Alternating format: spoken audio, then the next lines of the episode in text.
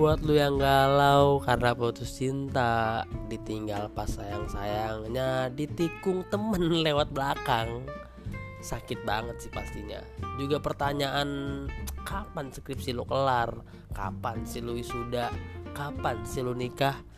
Tenang dan tetap kalem Santuy aja. Di sini aja berbagi cerita sama kita Di gedung bercerita. Nah, di sini kita bakal ngebagiin tuh pengalaman-pengalaman atau cerita-cerita yang pastinya bakalan keren-keren dan seru-seru banget. Dan buat kalian yang mau cerita juga bisa nih share pengalaman cerita kalian melalui DM di Instagram Muslimin Muhammad 22 dan juga lu bisa lewat email juga muhammadmuslimin 630 at gmail.com Stay tune terus, tetap happy dan santuy.